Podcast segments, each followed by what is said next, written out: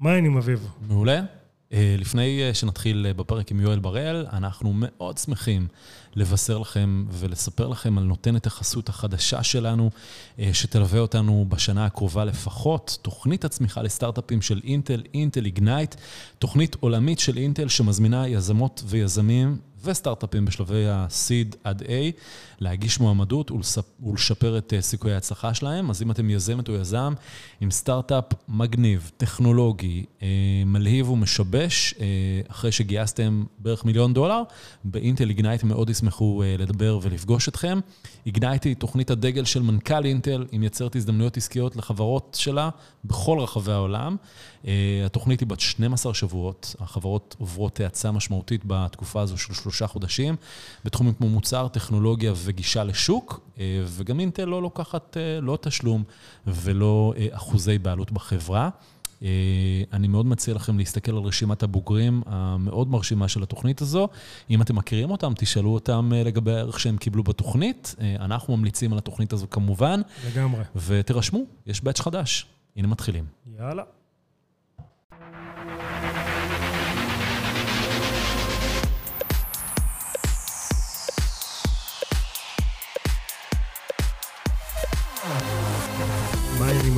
מעולה. מה המצב? בסדר, אתה יודע שהיום אנחנו מדברים על חברת Trax, שהיא חברה נורא נורא מעניינת. אני זוכר לפני מעל עשר שנים, שקיבלתי, אה, עזרתי לאיזה קרן השקעות וקיבלתי את ה deck הראשון של Trax. את המצגת. את המצגת, והיה שם איזה גורילה כזאת ירוקה במצגת. ואמרתי, נראה שמה שמדברים אי אפשר לעשות שזה קשקוש, אבל משהו פה מעניין במה שקורה. אהה, אז הקרן השקיעה? לא, הקרן לא השקיעה, אה, אוקיי. אבל יצא בסדר בסך הכל, לא? כן. אוקיי, אז אה, שלום ליואל בראל, מנכ"ל ומייסד אה, טראקס. שלום, שלום. מה טראקס עושה?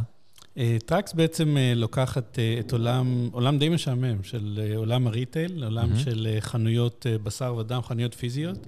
ובעצם מעבירה את העולם הזה מהפכה של דיגיטיזציה וטכנולוגיה. אה, לקחנו את הטכנולוגיה של עיבוד תמונה, אה, והיום אנחנו יודעים דרך אה, צילום תמונות בחנות, לעשות דיגיטיזציה מלאה של החנות, בעצם למצוא את כל המוצרים שנמצאים על המדף בזיהוי שהוא קרוב ל-100%.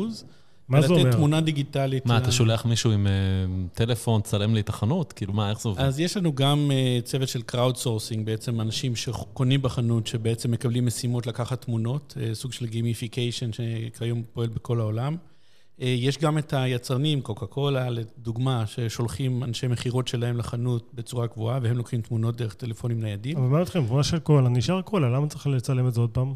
אה, בגדול, העולם הזה הוא עולם שאין בו transparency, אין בו שקיפות, מה נמצא על המדף עבור יצרנים. הם רוצים לדעת מי המתחרים שלהם, מה המחירים, mm. איזה promotion המתחרה שלהם מציג, כמה שטחי מדף אה, הם מקבלים. אז הוא מצלם את המדף, איזה גובה זה בסופר. הם מצלמים את המדפים, כן. ויש לנו גם מצלמות קבועות שבעצם יושבות על המדף ומצלמות את המדף. והלקוח באמת הברנדים שיודעים מה קורה בסופר?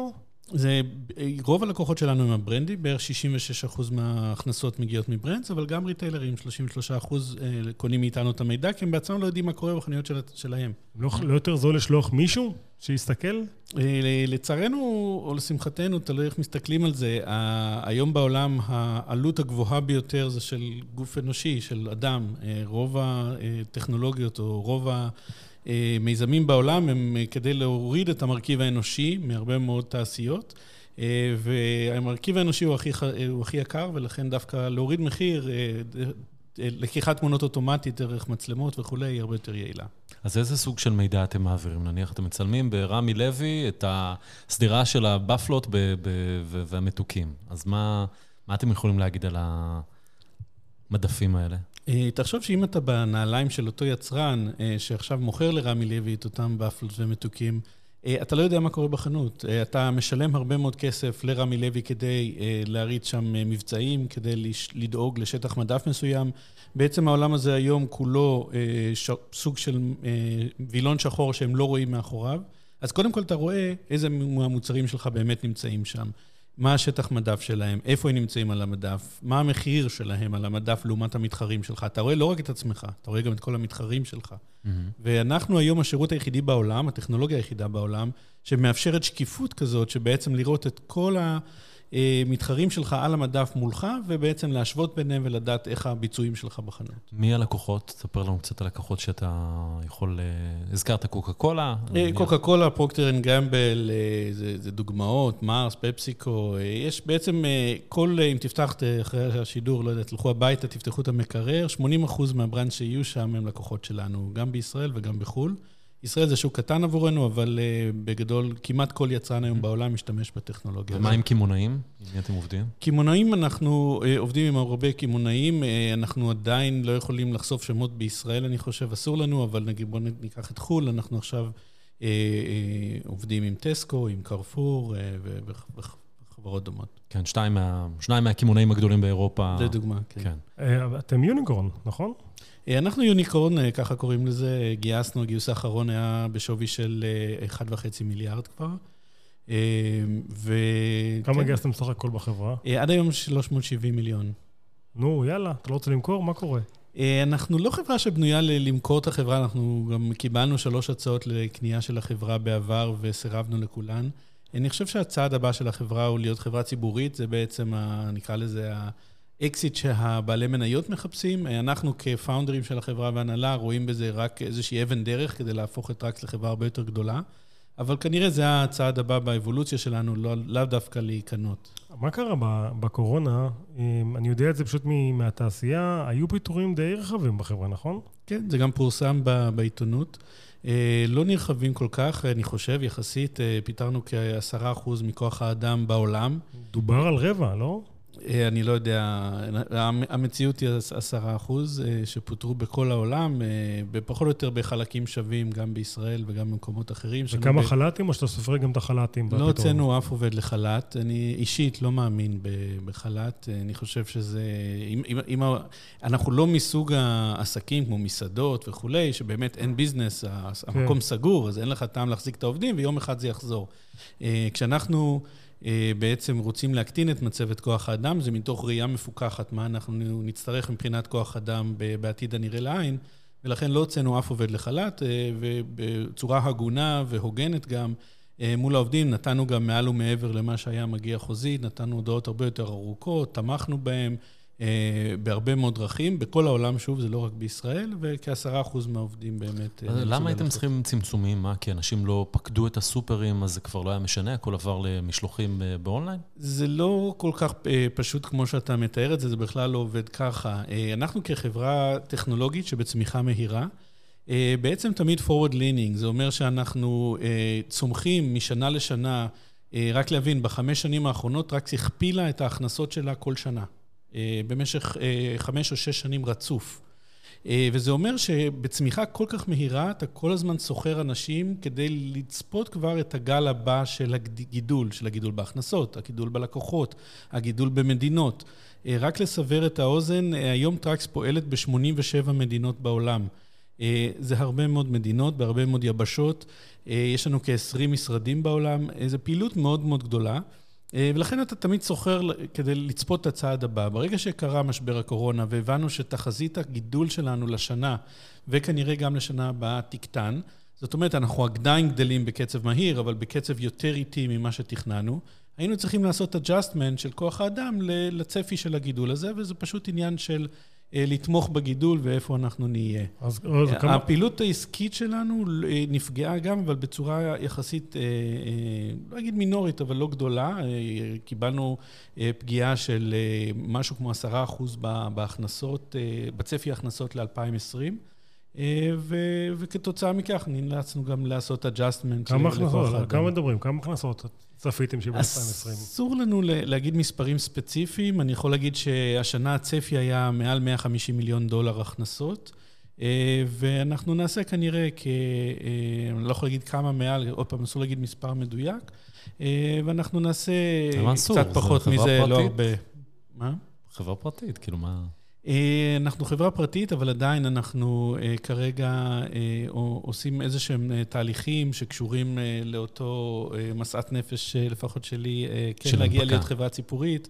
אה, ולכן אסור לנו למסור מספרים אה, בצורה פתוחה. בוא נגיד באזור ה-160, 170 כזה? באזור הזה, כן. כן. בין 160 ל-170 זה היה הצפי השנה, ואנחנו נעשה כנראה בין 140 ל-150. זה הסדרי גודל. אה, כן, פגיעה סבירה יחסית ל... כן, כן, כי החנויות נשארו פתוחות. אנחנו במזל כן. נמצאים בתעשייה שכל החנויות נשארו פתוחות בזמן הקורונה. אה, המיקס של הפעילות בחנויות השתנה לחלוטין. Mm-hmm. יצרנים בש... בימי שגרה אה, רוצים לדעת מה קורה על המדף, איפה, מה המתחרים עושים, אה, מחירים, שטחי מדף, execution. בזמן הקורונה זה פשוט היה הכל supply chain. זה איך מייצרים מספיק מוצרים ואיך מביאים אותם למדף. אין טיסות, אין מלא הגבלות. לא היה כל כך שאלה מה המוצרים שלי עושים על המדף, כל מוצר ששמו שם נחטף. אה, ולכן המיקס של הפעילות שלנו השתנה, וזה גם גרם אה, לירידה הקלה בהכנסות, אבל בגדול אנחנו נשארנו אה, עם פעילות מלאה בכל העולם, כמובן פעילות מהבית ולא מהמשרדים, אבל גם ככה אנחנו חברה די מבוזרת. אנחנו היום, לאחר הפיטורים, אנחנו קרוב ל-900 עובדים, קצת מעל 900 עובדים. אז... אתם, אתם אוספים הרבה מידע על מה שקורה בחנויות האלה, ואני מניח שהיו שינויים בהרגלי הצריכה בתקופת הקורונה, מה הדבר הכי מפתיע שפתאום אה, הבנתם שקרה בקורונה? אה, אני חושב שזה קודם כל אה, היה איזשהו שוק ראשוני, כן? אנחנו גם אנשים יחסית צעירים, לא, לא בהכרח בגיל אולי, אבל צעירים במובן של ניסיון, כן? לא, ואני חושב שלא רק אנחנו, מראש הממשלה ועד כל מקבלי ההחלטות בכל העולם, זה מצב חדש, והיינו צריכים להבין אה, מה קורה. אז זה דבר ראשון, שקודם כל להבין אה, איפה אתה נמצא ומה אתה הולך לעשות. אה, הדבר השני ש, שהיה די מפתיע זה השוני בהרגלי הצריכה, וזה משהו שמאוד היה חשוב לנו וללקוחות שלנו להבין, mm-hmm. איך הצרכנים בעצם ישנו את ההרגלים שלהם כתוצאה מהמצב החדש. אז מה גיליתם? והאם היו שינויים ארוכי טווח. בסופו של דבר, אני חושב שההכרה... זה שלא יהיה שינוי משמעותי ארוך טווח. זאת אומרת, יש שינוי עכשיו, obviously, בתקופת הקורונה, הולך להיות שינוי כנראה בחצי שנה הקרובה אולי במצב מסוים, שאנשים באמת עושים יותר אולי online orders, אה, אה, מבלים פחות זמן בחנות, ההרגלי צריכה בתוך החנות משתנים. אנשים רוצים להיכנס לחנות ולצאת כמה שיותר מהר, לא מטיילים בחנות. אה, חלק גדול מעולם הצרכנות בחנויות brick and mortar זה, זה עניין של אימפולס. אנשים נכנסים לחנות ובעצם 40 אחוז מהסל, ב... בדיוק, 40 אחוז מהסל קניות שלהם אה, מגיע מהמוצרים ליד הקופה, מוצרים במבצעים, כל מיני דברים שמציעים להם וקורצים להם, תקנה 2, תקנה 3, תקנה 4, תקבל הנחה. היום הדברים האלה הם פחות אה, משמעותיים. אבל לאט לאט אתה רואה איך הדברים חוזרים לשגרה ואיך הדברים, אה, היצרנים והקמעונאים בעצם חוזרים לאותם פאטרנים מוכרים, תחת המגבלות הקיימות. כולנו מבינים שבסופו של דבר יהיה חיסון לקורונה או איזושהי תרופה, וזה כבר לא יהיה משהו יותר משפעת רגילה, אבל אז יהיה... ביצים לא ונייר טואלט כבר לא אה, יהיו להיט כמו שהם היום. כן, בדיוק, אבל לא סתם קראו לזה COVID-19, מן הסתם יהיה COVID-20 ו-21, כבר הכניסו את ה... שמו שם את כבר את ה... את ה sequels. את ה sequels, וכנראה זה כבר העולם ידע להתמודד עם זה בצורה הרבה יותר טובה. אבל יואל, בכלל החברה שלכם, היא עובדת בעולם ישן, שהרי כל העולם, לפחות לפי אמזון, אמזון הולך למקום אחר.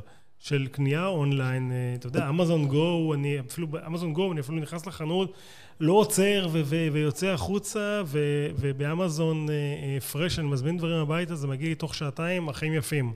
אז, אז העולם הזה של brick and mortar הוא, הוא עדיין קיים? הוא גדל או שזה... אז העולם הזה גדל. קרב בלימה כזה. העולם הזה גדל. אני יכול להגיד לך בצורה, בדרך כלל, אתה יודע, אני מנסה להיות פוליטיקאי כזה, לא להגיד שום דבר נחרץ. תגיד הכל, מה אתה... לא, אני צוחק, אני אומר, באמזון גו אני יכול להגיד לך משהו נחרץ. אנחנו, אני אישית, לא מאמינים במודל העסקי של אמזון גו. באמת? למה? אה, לא מאמינים לא בטכנולוגיה ולא בהיתכנות העסקית. אה, עד היום אני חושב שאנחנו גם רואים שאנחנו צודקים. אה, אמזון, אם אתה שים לב לפרסומים שלהם, כשהם יצאו עם אמזון גו, ההכרזה הייתה שהם הולכים לפתוח 3,000 חנויות בארצות הברית. רגע, אמזון גו, אביב, מי שלא יודע, זה פשוט החנות של אמזון, שאתה נכנס... לקופה. כן, נכנס עם האפליקציה, כן. אני עשיתי את זה, נורא, נורא נהניתי. עשיתי גם. לוקח משהו, יוצא החוצה, חיים יפים. כן. אז, אה, אז הם אמרו 3,000 חנויות, אחרי זה הורידו את זה ל-300, היום הם סוגרים חנויות. הם מפסידים המון המון כסף על כל, על כל חנות. הטכנולוגיה עצמה בנויה, אה, במילה אחת, הם בונים חנות עבור המטרה של באמת שיהיה פריקשנלס בלי קופאית.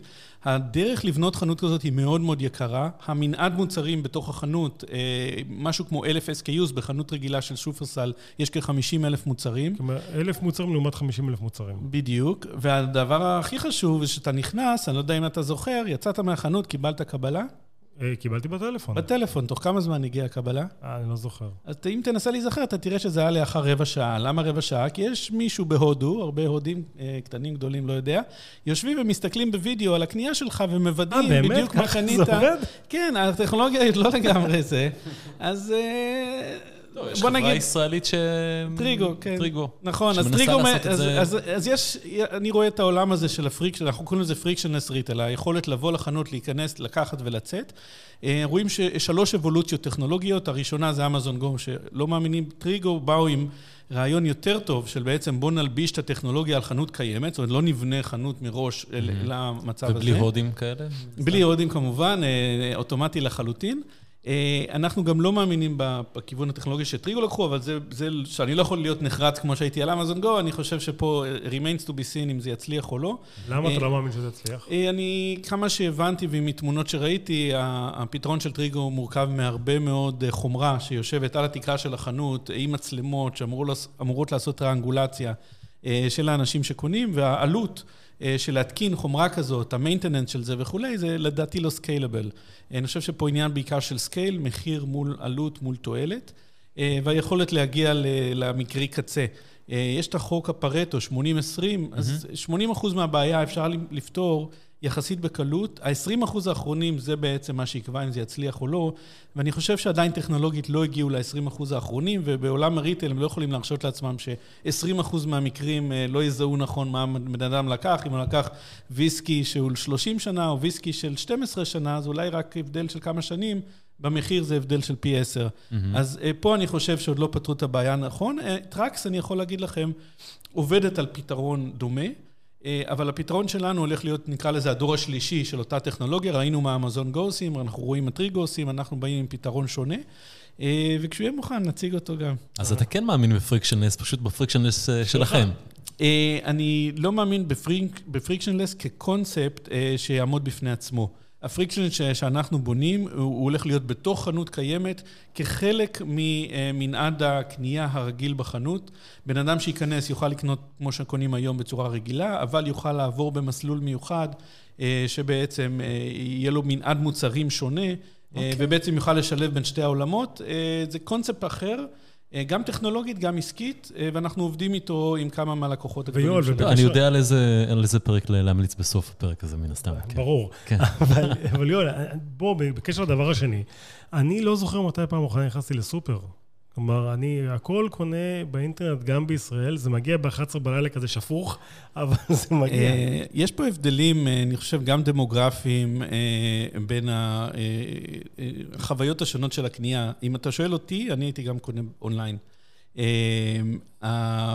רוב הלקוחות שבאים לסופר, אכפת להם איך העגבנייה נראית, הם רוצים לבחור את זה בעצמם. אם תיקח את אשתי, אני לא רוצה פה להישמע מגדרי מדי. אה, אה, יש אנשים שכן אכפת להם אם העוף הוא בדיוק ככה או אחרת, ואת הצבע שלו ואת הצורה שלו ואיפה הוא נשאר וכולי. אה, עובדתית בעולם, 95% מהקניות של, של groceries, אנחנו מדברים פה על מוצרי צריכה, אה, נעשים בחנויות brick and mortar. יותר מזה, גם החמישה אחוז שנעשים אבל זה חמישה אחוז שגדל מאוד ממה שהוא היה גדל פעם. מאוד, גדל מאוד, וכנראה בעוד עשר שנים זה לא יהיה חמישה, זה יהיה עשרה או חמישה עשר אחוז. עדיין, ה-vast majority נעשה בחנויות אבל פיזיות. זה אומר שה business שלך מתכווץ. זה ה business אה, לא, לא גדל. בהכרח, אה, אנחנו, בני אדם אה, זה אנשים מאוד פרודוקטיביים ביצירת עוד בני אדם. אה, האוכלוסייה בעולם גדלה בקצב הרבה יותר גדול מהגידול שאתם מדברים בעולם האונליין. זאת אומרת, בסופו של דבר כן, הפלח של האונליין אה, גדל יותר מה brick and mortar, אבל התעשייה כולה גדלה בקצב הרבה יותר מהיר ולך, משניהם. אני מניח, יש עוד הרבה אחוזים לתפוס עד שתגיע ותהיה... לא, זה ברור, אה, זו התעשייה הכי גדולה בעולם. אה, חמישה טריליון דולר עוברים אה, בתעשייה הזאת כל אה, שנה, ומה שיפה בתעשייה הזאת, שהאחוז רווח של אה, קמעונאים הוא כאחוז אחד, שני אחוז. שני אחוז זה המון. זאת אומרת ש-98 אחוז אה, עוברים לכוח אדם, לתוכנה, לטכנולוגיה. ספקים. ספקים, אז יש פה... אבל, אה... אבל מה, קרה, מה כן קרה בעולם הזה? כי אני זוכר, פעם היו סופרים ענקיים, הם נעלמים בסופרים הענקיים האלה. נכון, המין, הסוג של, הצורה של החנויות השתנה, וזה ללא ספק. היום כבר אין את החנויות הענקיות, עדיין בארצות הברית יש בכמה מקומות, גם זה נעלם. Mm-hmm. סוגרים את הסירס, את הקוסקו, את הוולמארט של העולם בפורמט הענק, ונפתחות חנויות יותר קטנות, יותר במרכזי הערים, יותר ב... קרוב בנגישות ללקוח, גם מתוך מחשבה על אונליין. היום אין קנייה אונליין, לא משנה אם אתה קונה בשופרסל או בכל פלטפורמה אחרת. ה delivery נעשה מתוך הסופר עצמו, גם כשאתה בוחר עגבניה אונליין, מישהו פיזית בחנות הולך ל pile של העגבניות, בוחר לך עגבניות בשקית ומביא לך הביתה, זה גם סוג של קנייה אופליין. טוב, תחשבו על אמזון. יש חברה ישראלית אחרת כן. שהופכת את הכל לרובוטי. ו... פאבריק. כן. כן. אז רק להגיד רק על אמזון, אה, אמזון כדי להציג את אמזון פרש, זה הזרוע האונליין של אמזון לעולם המוצרי צריכה, קנו ב-17 מיליארד דולר את הול פוד. זאת אומרת, היו צריכים כן. לקנות רשת של חנויות פיזיות כדי בכלל להציג מוצר שהוא אונליין. אבל מה זה בשבילם 17 מיליארד?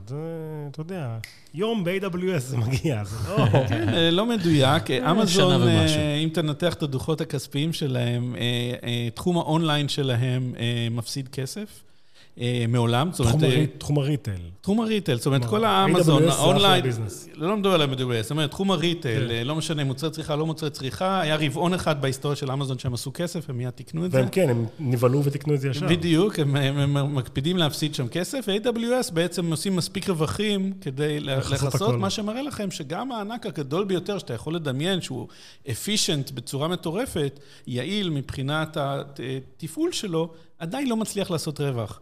אה, וזה מראה קצת על העולם הזה שבאמת כל טכנולוגיה שמצליחה להביא איזשהו ערך מוסף, יש לה המון מקום והמון מקום לגדול. תגיד, והלקוחות שלך שהם הריטלס, הם, הם אומרים, רגע, אתה, אני מכניס אותך לסופר, אתה שבוע הבא אה, אמזון קונים אותך, או שאתה משתמש בשרתים של אמזון, וכל הדאטה שלי הולך לאמזון. נכון, ועוד פעם, מצחיק או לא הרבה מהלקוחות שהם, שהם קמעונאים, לא היצרנים, יש לנו סעיפים בחוזה שאסור לנו להשתמש באמזון. אתה לא יכול להשתמש ב-AWS? בחלקם יש סעיפים ספציפיים שאסור להשתמש ב-AWS, בדיוק מהסיבה הזאת, הם לא רוצים שהכסף שלהם ילך לממן את המתחרה. איך הגעתם לרעיון הזה? מה, יש מכולת במשפחה? אה, לא ממני, אני לא, לא בא מתחום ה retail, אני בא מתחום הטכנולוגיה יותר. השותף שלי שהקים איתי את המיזם, אה, דרור פלדהיים, הוא היזם השני של טראקס, אה, בעצם בא מתחום ה retail, הוא עבד עשר שנים בקרן הון סיכון שספציפית השקיע בחברות שמייצרות מוצרי צריכה. משם הוא הכיר בצורה מאוד קרובה את הבעיות של התעשייה הזאת, והוא בא עם הרעיון לפתור. אני באתי עם הטכנולוגיה, וביחד זאת הייתה חתונה טובה. אבל איך אתה נהיית המנכ"ל ולא הוא? אתה הטכנולוג והוא ה... עשינו הטלת מטבע. לא, זאת אומרת, המציאות היא ששנינו לא היינו המנכ"ל אה, ביום הראשון, הייתה מנכ"לית אחרת בתחילת הדרך לטראקס, אה, בשנתיים הראשונות, ואחרי שהיא עברה הלאה אה, לעיסוקים אחרים, בעצם ה board בחר בי. אני הייתי מנכ"ל כבר של חברות לפני טראקס, דרור עוד לא מנכ"ל שום חברה לפני, ואני מניח שזו הייתה הסיבה. אבל לא, אבל לא היה סיבה, זאת אומרת, אנחנו... אבל לא היית מנכ"ל בסדר גודל של משהו כזה. לא, אה, גם אז לא היינו בסדר גודל כזה. זה היה, הייתי, אז היה equivalent. כן. כמה היה קשה בהתחלה לשכנע לקוחות, להביא משקיעים? אה, האמת שהיה יחסית קל, אה, זה לא עוד אולי דוגמה לחברות אחרות. קודם כל לא היינו בארץ, וזה אני מניח יותר קל. אני עוזר עכשיו להמון חברות שבאות להתייעץ איתי, ואני שמח לעזור לכולם, גם לגייס כסף. לתת פידבק על מצגות וכולי. אה, בארץ יותר קשה, אנשים יותר אה, חכמים, אה, בין אם זה נכון או לא, אבל כולם חושבים שהם יותר חכמים. ו, ולכן קשה יותר לשכנע וכולי, בחו"ל יותר קל. הפתרון שהבאנו היה פתרון שעשה המון שכל ללקוחות. קיבלנו יחסית פידבק מאוד חיובי מהשוק, המון פיילוטים בהתחלה וכולי, וזה גם גרם להמון ביטחון אצל המשקיעים. אה, יחסית בטראקס בשנים הראשונות, אה, באמת לא, לא בזבזנו זמן על גיוסי כסף. כל גיוס אצלנו לקח שבועיים, שלושה literally, אני לא מגזים. אה, מהרגע שאמרנו שאנחנו מעוניינים בעוד כסף, פשוט עמדו בתור והיינו צריכים לבחור מי ישקיע ברמה הזאת. אז את מי בחרתם? זה היום כבר, דרך אגב, לא כל כך קל היום, להפך נהיה יותר קשה, אבל בהתחלה זה היה יחסית ככה. טוב, הצ'קים גדלים? כן, אה, הצ'קים גדלים, כבר עושים, כן, בדיקות הרבה יותר חזקות, וגם ה-obviously הוולואציה היא הרבה יותר גבוהה. אה, לקחנו, אנחנו דילגנו עד עולם ה-VC, זאת אומרת, לא, בכוונה לא לקחנו קרנות הון סיכון, לא האמנו ביכולת שלהם להביא value לטווח ארוך, לעומת התנאים שהם ביקשו מאיתנו אה, בזמן ההשקעה. אז מי המשקיעים? אה, המשקיעים הראשונים היו בעיקר אה, private individuals, או אנשים? פרטיים ו-family offices. אה, שבע שנים ראשונות, ככה היינו. גייסנו 80 מיליון דולר, אך ורק מאנשים רק פרטיים. מאנשים פרטיים ומפמילי אופיס. רק אנשים פרטיים מאיפה הכרת כאלה? זה- מסתבר שהם מכירים אחד את השני. אני לא צריך להכיר אותם, וברגע שיש כמה שהם משקיעים, הם בדרך כלל המשיכו להשקיע והביאו חברים שלהם, והחברים הביאו חברים, והיום יש לי מלא... אה, כמה- כמה אנשים יש לך? ש- סוג של מיליארדרים כאלה, ו- וכן, אז זה- זה היה ההתחלה. אחרי שבע שנים התחילו להיכנס אה, קרנות הון סיכון. כלומר, החברה בת עשר, נכון? אה, סליחה, private equities, לא קרנות הון סיכון. החברה בת עשר. החברה היא בשנה העשירית שלה, היא בת תשע, עוד לא חגגנו עשר, בדיוק בשנה העשירית. וכמה פוטנציאל עוד לא גירדתם אפילו מהשוק הזה? אפילו לא את הקצה של הצ'ופצ'יק. זאת אומרת, עוד פעם, זו התעשייה הכי גדולה בעולם, ואנחנו... אה, יש חברות היום בתעשייה הזאת שיש להן הכנסות של מיליארדים, ואנחנו מאמינים שאפשר להגיע לשם. אז מתי ההנפקה? אה, הנבואה ניתנה לשוטים, אנחנו מנסים, אה, אני מאמין אה, שב-12 חודשים הקרובים אה, זה לפי. איזה שווי? אה, זה באמת השוק יקבע, זה אפילו... אתה אה, זה- מדבר עם ה-investment bankers, אומר להם, אני רוצה ככה וככה, לא? כן, אני בוודאי, אני לא, לא יכול להגיד את זה פה, פה בשידור, אבל פארק, אה? בוא נגיד ש... שנדע אם לקנות. יש לנו תיאבון בריא, וההנפקה מן הסתם תהיה בפרימיום משמעותי לאב- לאבלואציה האחרונה שגייסנו. אז בוא, אתה יודע, נגיד למוניד עכשיו מדברים על להנפיק ב-2 מיליארד דולר. זה, שם אתה מסתכל? כנראה ששם טיפה מעל. אז שתיים וחצי כזה. משהו זה, כזה. זה, אוקיי, וזה וזה, זה מכפיל. בוא'נה, תראה אותך, איך אתה מוציא ממנו את כל הדברים שהוא לא רצה לענות. רגע, וזה... לא, אני לא, אתה יודע, אני אחרי זה, אני- רק שתבינו איך זה עובד, לי לא אכפת להגיד לכם הכל. יש לי CFO מאחורה, שאחרי זה, אחרי השידור, אני לא מקבל. על הראש. יש פה, אה, איפה היא? אה, סתם. אל, אשת יחסי אבל... אה, תשמע, על, מכפיל של אה, 150 מיליון דולר, לגייס בשתיים וחצי זה המון. זה... אה, זה לא, זה לא מתמטיקה מדויקת. אה, אם נצא להנפקה, אה, זה יהיה לפי ההכנסות של שוף 2021. ההכנסות שעכשיו אמרת הן של 2020, ולא לפי זה תהיה הנפקה. ובסוף 2021 המכפיל הוא מאוד מאוד אז, אה, אתה, סביר. אז בוא, אז אתה, אתה צופה, אם אני עושה כאילו אחורה, אתה צופה 250 מיליון דולר הכנסות ב-2021, סדר גודל, כן. מכפיל כן. של 10 כן, על הזה, כדי חברה טכנולוגית, עניינים סיפורים. נכון. אמ, אוקיי, שווה לקנות, אביב. אם אתה אומר, אם אתה אומר. תגיד, עכשיו אתם אחרי הקורונה, אתם אה, מגייסים או שאתם עדיין כזה בהגנה? אה, אנחנו כרגע עצרנו גיוסים, אה, גם גם אין היגיון, אנחנו באמת פיתרנו אנשים אה, טובים, לא, לא אנשים שלא היינו מרוצים מהם, ואנחנו נמשיך אה, לגייס ברגע שנראה את התוצאות של אה, Q- Q3. אה, רבעון שלוש הוא רבעון מבחן עבורנו השנה, באמת לראות שבאמת הקורונה נגמרה, אנחנו צופים שנחזור לאותו revenue level שהיה לנו לפני הקורונה. רבעון 3 2020, מי ששומע את זה, אני לא יודע מתי. זה עכשיו, כן, זה בדיוק. יולי, אוגוסט, ספטמבר, זה, זה התקופה שבה אנחנו נבחן שבאמת הכל חזר לשגרה, ואז נמשיך לגייס. אבל לא הכל חזר לשגרה. אה, מבחינתנו אנחנו מקווים שכן. אה, מה האתגרים הכי גדולים שיש לכם? אה, האתגרים הכי גדולים זה בעצם אה, לשמור על הגידול. אה, זה דבר אחד שהוא לא טריוויאלי, במיוחד שההכנסות גדלות, אה, כמו שהמתמטיקה המהירה שנבות עשה פה. אה, באחוזים זה נשמע אותו דבר, אבל במיליונים של דולרים שצריך להביא כל שנה זה גדל. אז זה אתגר אחד. דבר שני זה לשמור על ה-innovation edge, היכולת, ההובלה הטכנולוגית של החברה מול המתחרים, וכמו שאתם ציינתם, יש עוד ועוד מתחרים שבאים, ואנחנו צריכים תמיד להיות לפניהם. אז זה אתגר שני. אה, אתגר שלישי, אה, יש לנו איזשהו רצון כן להתחבר לקונסיומר, לשופר בחנות, לא רק כמישהו שעושה עבודה עבורנו, מישהו שגם אנחנו מביאים לו value. כלומר, בתור ברנד שלכם? בתור, כנראה זה לא יהיה ברנד שלנו, זה יהיה בשיתוף עם הקמעונאים, אבל זה יהיה הטכנולוגיה שלנו בצורה שהיא מאוד ויזיבילית ללקוח הסופי. בסופו של דבר שני הצדדים האלה מתחברים, זאת אומרת, הוא גם יכול לעשות עבודה, אבל גם יכול ליהנות מהטכנולוגיה. אבל אתה לא רוצה לייצר מותג טראקס, אתה משתמש במותג. אנחנו כנראה לא נייצר, לא שלא יכולים, אבל כנראה לא נייצר, אנחנו לא רוצים לייצר מותג שנקרא טראקס, אלא יהיה טכנולוגיה של טראקס שבעצם שופרסל, powered by טראקס, ויהיה, לא יודע מה. קרפור powered by טראקס וטסקו powered by טראקס, ובעצם אה, בקניות היומיומיות, לא אתה, כי אתה לא קונה אה, בחנויות פיזיות. נתחיל עכשיו, יש טראקס. בדיוק, אולי כדאי לך, אבל אה, אבל מי שיקנה, יוכל בעצם לקבל חוויית קנייה הרבה יותר מועשרת דרך הטכנולוגיה שלנו, וזה אתגר שלישי שאני חושב שהוא חשוב מאוד בחזון שלנו. תגיד, אני אני ראיתי שעשיתם שש אקוזישן, נכון? סך הכל כל השנים שש, כן. כאילו רכשתם שש חברות. נכון. למה? כי פחדת שהם גדלים, או כי זיהית איזו טכנולוגיה שסוגרת לך פינה? שלוש מהשש הם היו מתחרים ישירים. ובאמת רכשנו את המתחרה הכי גדול שלנו באירופה, את המתחרה הכי גדול שלנו בסין, וחברה שהתחרתה באחד המוצרים שלנו שנקרא ריטל וואץ'. אה, והשלוש האחרות פשוט אה, complementary services, זאת אומרת חברות, אה, חברות שהיו להן מוצרים שהשתלבו מאוד יפה עם המוצרים שלנו לאותו קהל הלקוחות, לאותו brick and mortar, פשוט נתנו נדבך שונה שהתאים לחזון המוצרי שלנו. והרכישות האלה הצליחו? טפו טפו טפו, עד היום אני חושב שכן, זאת אומרת חלקן נעשו רק לפני מספר חודשים, אז עוד קשה לדעת, אבל עד היום כל חברה שרכשנו גם הגדילה את סל המוצרים, גם את ההכנסות.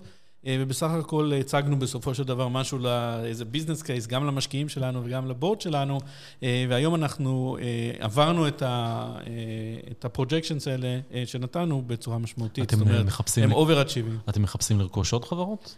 אנחנו כל הזמן מחפשים עוד חברות, עוד פעם, בתחומים מאוד מסוימים שיוכלו לתת לנו edge נוסף. אה, היום אנחנו מסתכלים בעיקר לכיוון אה, של אה, ניתוח אנליטי של מידע מהקופות, זה למשל תחום שאנחנו יודעים שאנחנו נגיע אליו בסופו של דבר, זה כן. תחום אחד. ותחום השני, באמת כל ה engagement מול ה consumer, מול ה shopper, כמו שהזכרתי מקודם, טכנולוגיות וחברות שיש להם מוצר שמשתמשים בו הרבה מאוד צרכנים בעולם הצרכנות הקמעונאית של מוצרי צריכה. טוב, אביב, איזה באסה שנגמר הזמן. היה פרק אדיר. היה סופר מעניין. אה, אביב, אחרי שאתה מסיים להאזין לפרק הזה, אז אני כן. ממליץ לך להאזין למיכאל גבאי אה, מטריגוויז'ן. מטריגוויז'ן, ואם אחרי זה, אז תאזין גם לאלרם גורן מפאבריק. לשעבר common sense robotics. לשעבר common sense robotics, ובאמת אחרי שעוד איזה עשרה פרקים על אה, retail. היה סופר מעניין, יואל, תודה רבה. בבקשה, ותודה שהזמנתם אותי. עד כאן 30 דקות או פחות. תנו לנו חמישה כוכבים בכל אפליקציה שלא. אתם יכולים גם מכמה אפליקציות במקביל, אתה יודע? נכון, ואנחנו נורא אוהבים לקרוא את התגובות, אז תעשו תגובות באפליקציה, או שלחו לנו באישי, זה גם כן על הכיפאק. יאללה, ביי.